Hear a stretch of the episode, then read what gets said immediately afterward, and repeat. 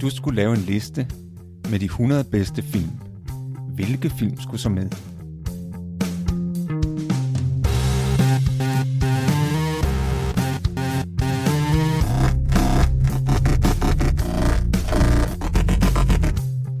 Hej, jeg hedder Morten. Og jeg hedder Thomas. Lyt med, når vi taler om vores liste med de 100 bedste film.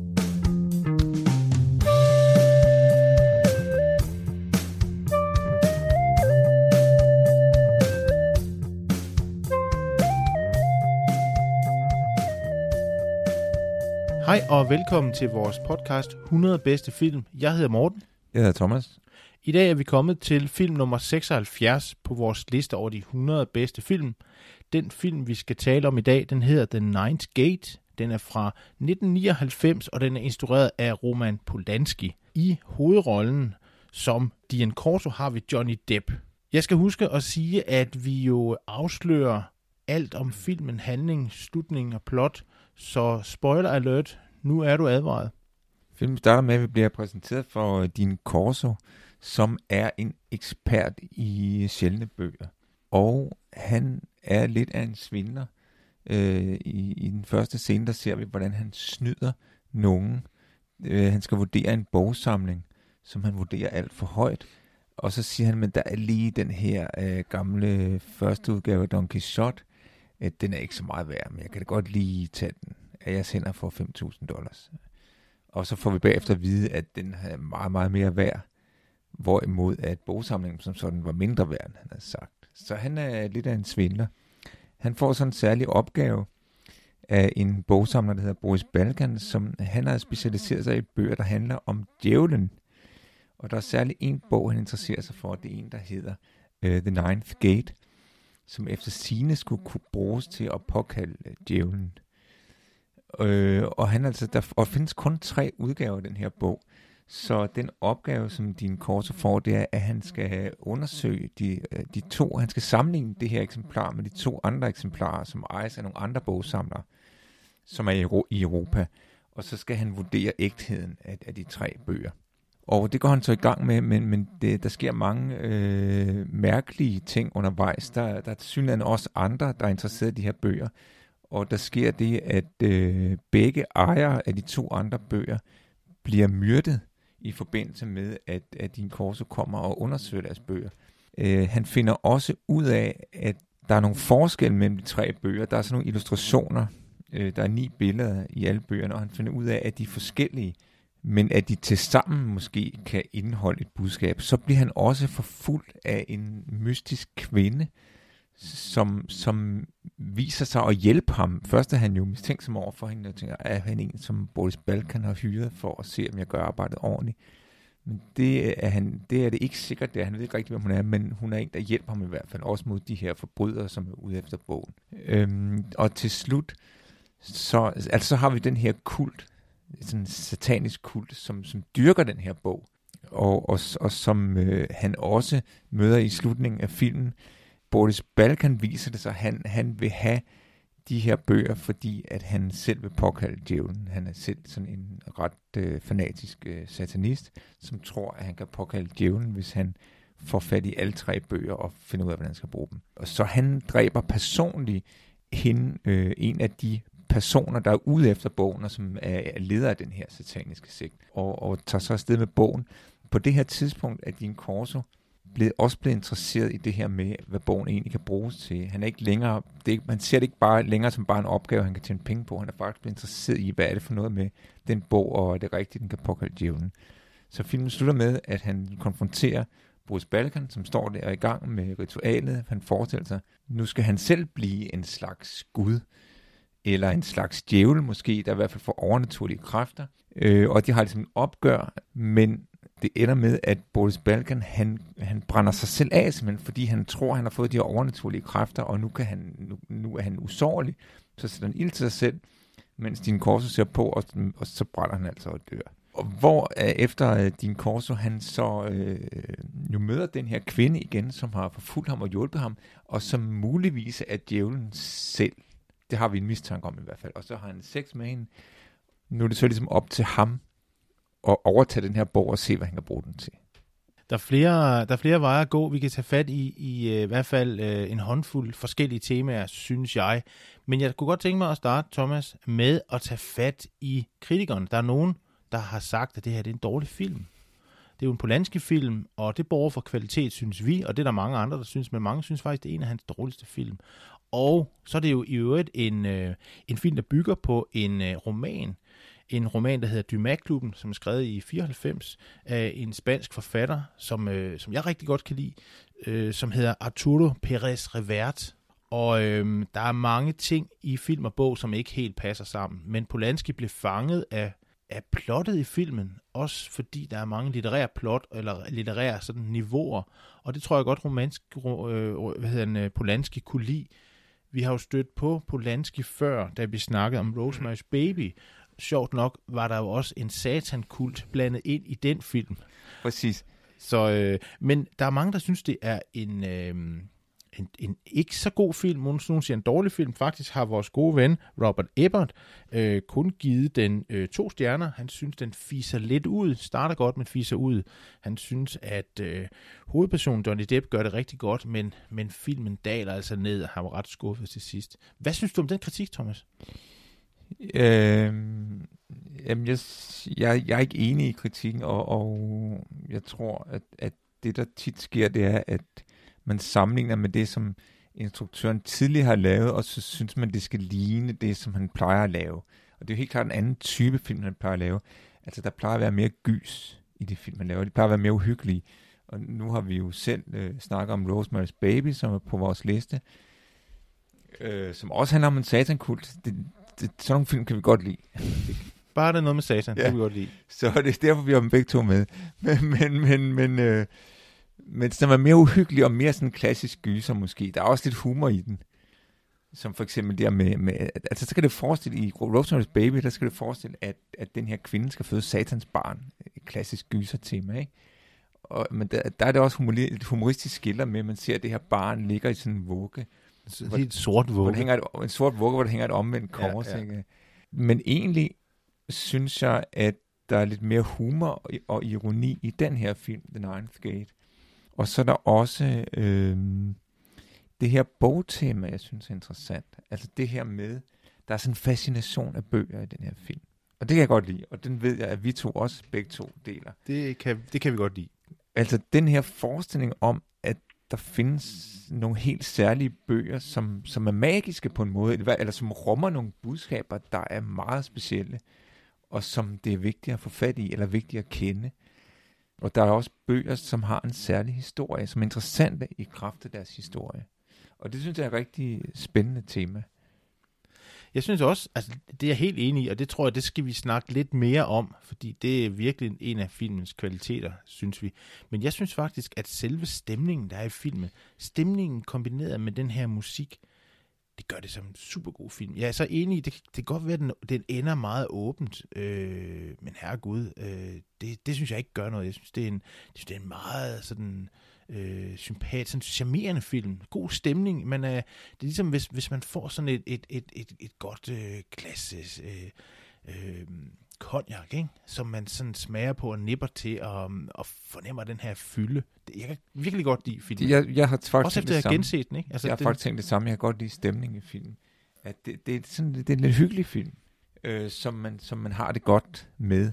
Øhm, og jeg synes jo, at John Depp han spiller den her rolle godt. Det, det har der også været en diskussion om. Ja, det har der. Det er rigtigt. Det er rigtigt. At, at øh, Roman Polanski og Johnny Depp var lidt uenige om, hvordan rollen skulle spilles. Men, men, øh, Johnny, men Polanski havde altså ikke øh, korrigeret Johnny Depp. Romanske siger, at Johnny Depp har valgt at spille rollen meget flat, eller det, han underspiller lidt. Ikke? Og, og det var egentlig ikke sådan, han havde tænkt sig det, men han havde altså ikke korrigeret det. Og, og det var Johnny Depp faktisk utilfreds med. Fordi han synes, altså, at det er instruktørens opgave og ligesom at få det frem i skuespilleren, som, som han synes, det skal være. Det, det har lidt relation til faktisk noget, vi har snakket om tidligere med, jamen, er det instruktøren, der skal, alene der skal fortælle skuespilleren, hvordan han skal spille, eller skal skuespilleren være med til selv at skabe rollen, ikke? Og jeg, jeg mener måske optimalt skal det være et samarbejde mellem instruktør og, og skuespilleren, ikke? Og det kunne virke som om, ud fra det, jeg har læst, at Johnny Depp har følt sig ladt lidt i stikken, som om, at, at, at romansko, romanske Polanski hedder har været for passiv, og ligesom bare lade ham det må han selv finde ud af. Men det var faktisk Johnny Depp, der rigtig gerne ville have rollen. Altså han, han, han jeg tror, øh, øh, Polanski mødte ham, og så havde de en snak, og så, og så øh, nævnte han det her for Johnny Depp.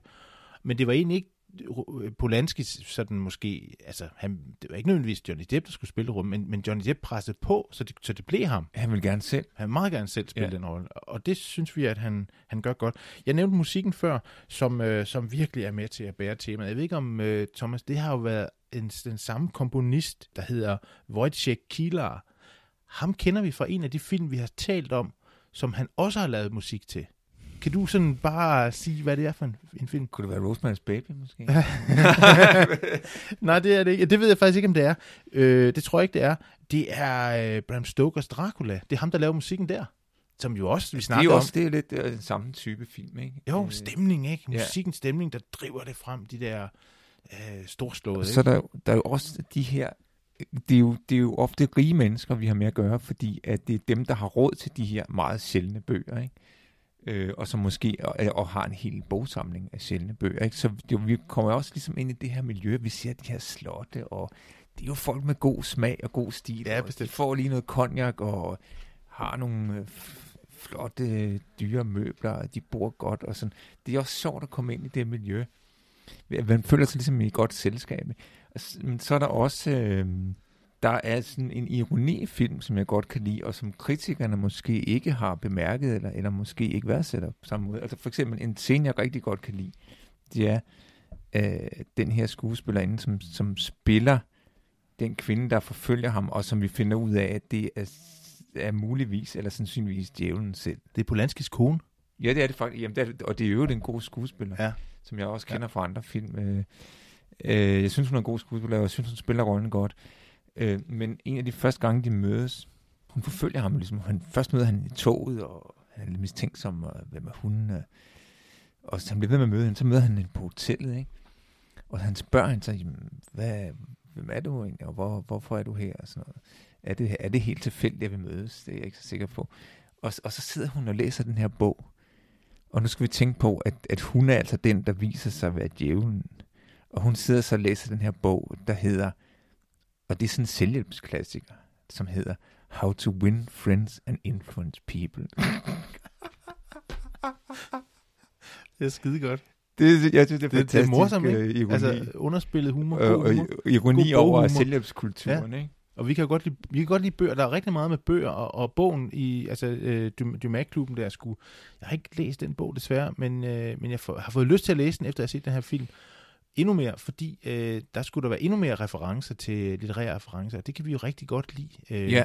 Den her bog, som, som, øh, som det hele handler om, den hedder De Umbrarum Regni Novem Portis på latin, og den er jo skrevet af satanisten Aristide Torquia, som selvfølgelig blev brændt på kætterbålet. Og hvornår var det, han blev brændt? Øh, det kan jeg ikke huske. men hvornår var han skrevet bogen? I 1666 i Venedig blev den trykt, ikke? Altså, der, der er jo, og hvornår var det film her lavet? Eller premiere? Det er jo i, i, øh, i 1999. I 1999. Altså, der er jo masser af sådan der noget talmagi. Øh, snask, ikke, som er lækkert. Ja, det er der nemlig. Og de der tre illustrationer, ikke? Tre, øh, tre, øh, I hver bog er der tre træsnit af, af den her LCF, ikke? Ja, der er ni træsnit, men det, ja. men det er tre af dem, kun tre af dem, der er ægte. Og, og, og de så, det er så selvfølgelig forskellige i hver bog, ikke? Sådan at, ja. at man skal have alle bøger for at kunne tyde koden her. Det her med, med, med, med magiske bøger er jo heller ikke nyt for os her i det gule værelse. Vi har jo haft en film, der hedder Army of Darkness af Sam Raimi, hvor vi talte om øh, H.P. Lovecraft, Necronomicon. Ja, det er jo også en, sådan en dæmonisk øh, bog, øh, og, som der jo også er tre eksemplarer af. I øvrigt, hvor han jo skal vælge. Der er også det her spørgsmål om ægthed. tre bøger, ja. Jamen, hvad for en af det, han har? Åh, oh, nu er der pludselig tre bøger. Det havde jeg ikke regnet med. Hvad for en er den ægte? Og, og det, det får han så med lidt besvær valgt til sidst. Ikke? Det spørgsmål er også i den her film, at, jamen, er de egentlig alle tre ægte, de her bøger? For nu, da det, og især da det viser sig, at de er forskellige, så kunne man jo godt få den tanke, at nogle af dem måske er falsknerier. Ja. Så der de, har vi det samme spørgsmål med, om med tre bøger og deres ægthed. Ikke? Tre jo. dæmoniske bøger. Også det her med, når man kigger på de her bøger, hvad kigger man så efter?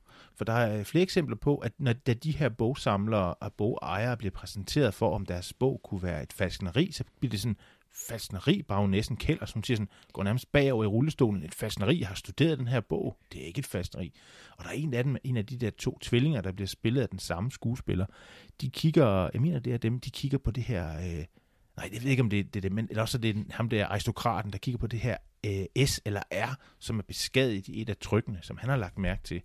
Men de har ikke hæftet sig ved de her illustrationers ophavsmand.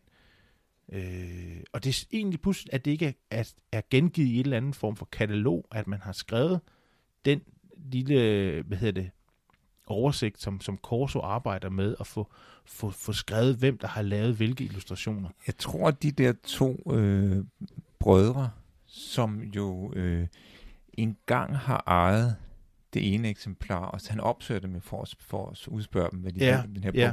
De har nemlig engang ejet det ene eksemplar, og så solgt den for en masse penge. Ikke? Jo.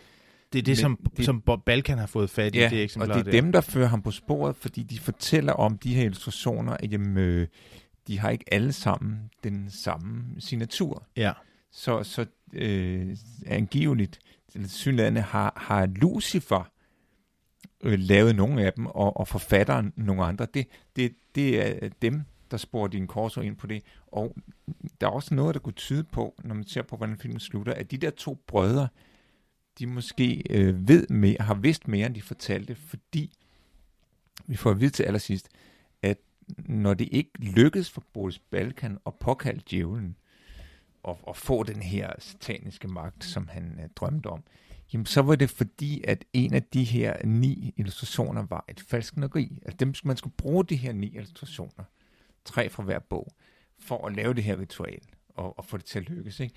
Og så siger hende der kvinde, som lader til at være djævlen, jamen grunden til, at det ikke lykkedes for ham, det var fordi, at en af dem var et falskneri, tegning nummer 9 var et falskneri.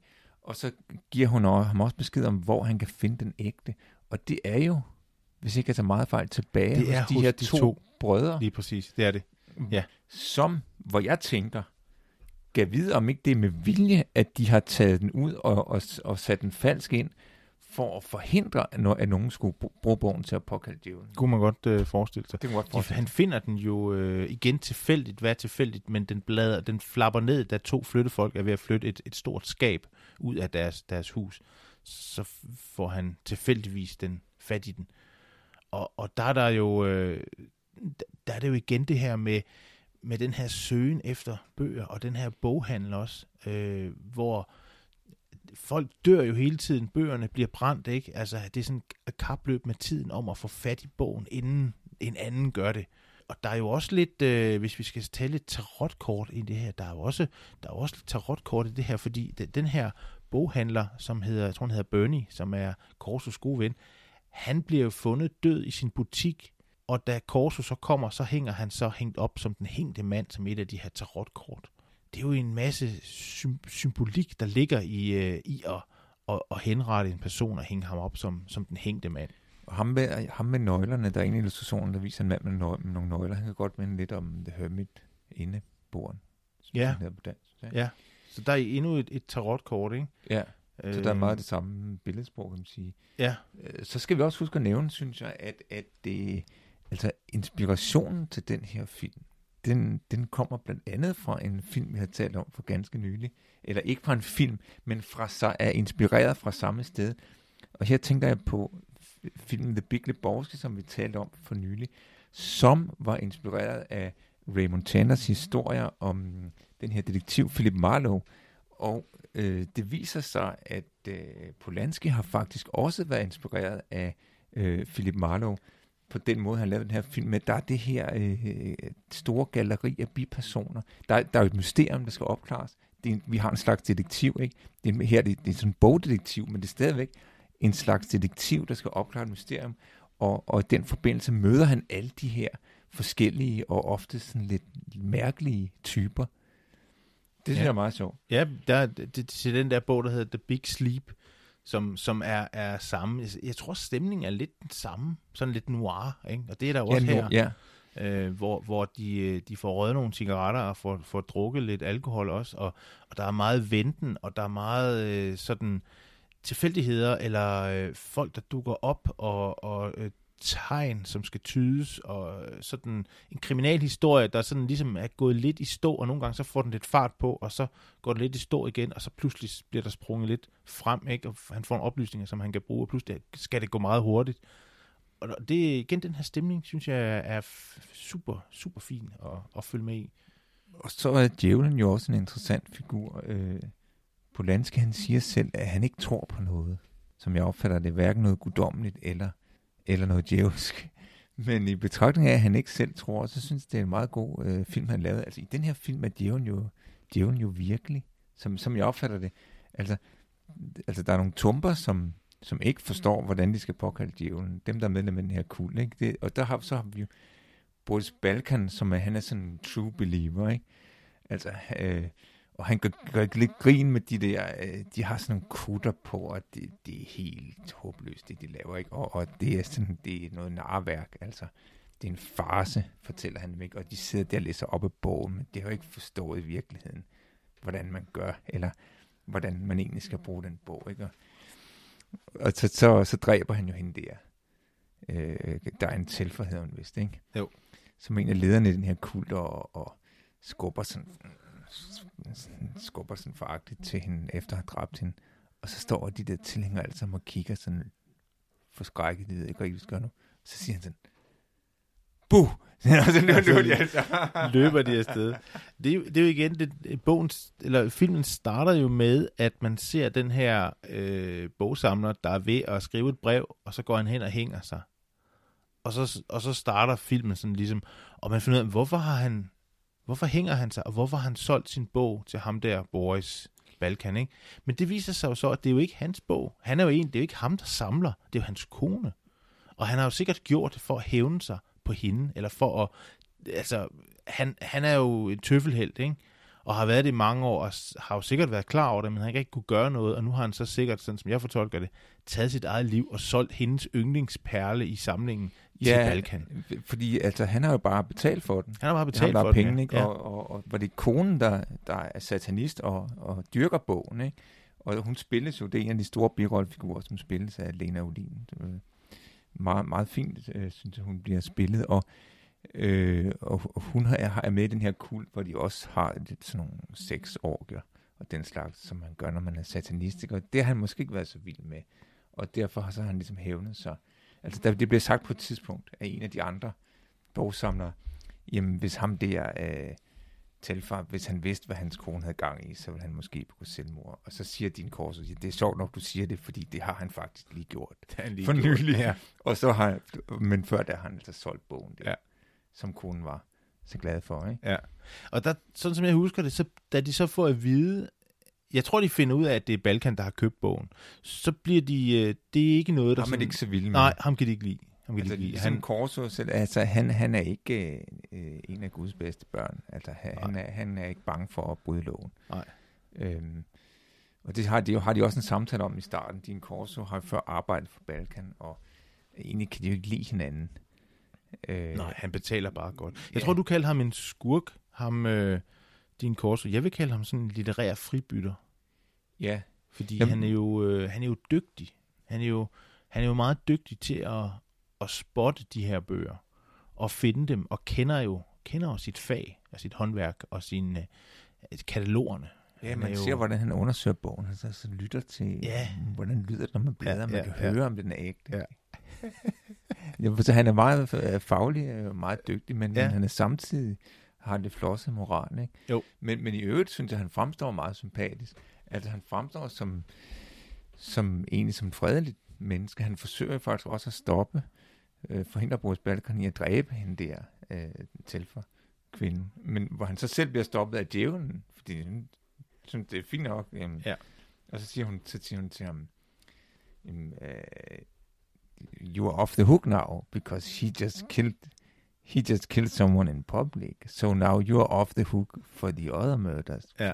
Din korso kunne risikere selv at blive mistænkt. Han har været i nærheden af de andre Alle personer, sammen, der blev ja. myrdet, ikke? i forbindelse med, at han undersøgte bogen. Jeg synes også, han er, han er, han er fint, at han møder baronesse Keller, fordi i starten, da hun finder ud af, at han arbejder for Balkan, vil hun ikke have noget med ham at gøre.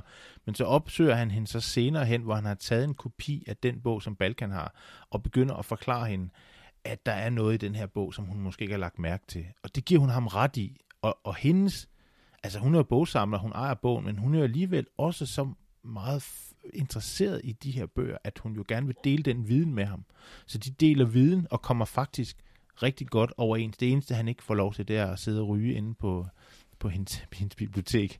Men, øh, men ellers øh, prøver hun jo også at hjælpe ham med at, at løse den her gåde. Det, det er meget sjovt at putte det med at ryge, de, de, de der to øh, brødre, som vi snakker om.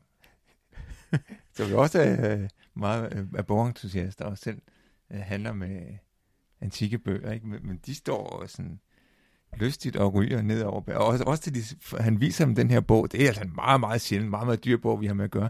Så står han der og ryger, ja. han og tæver til aske nede på bogen. ja, det, det, jeg tror, det er sådan en million, ikke, den koster. Jo. Bogen. Altså, Balkan nævner et eller andet. Det, og, og det, den får han lov til at rende rundt med, ikke? Det er jo. også ret øh, spøjst. Men det er jo også et eksempel på den humor, den ironi, ja, der er ja, i film, og som ja. jeg tror måske nogle af kritikerne overser, eller, eller, ja. eller måske bare ikke værdsætter. Ja.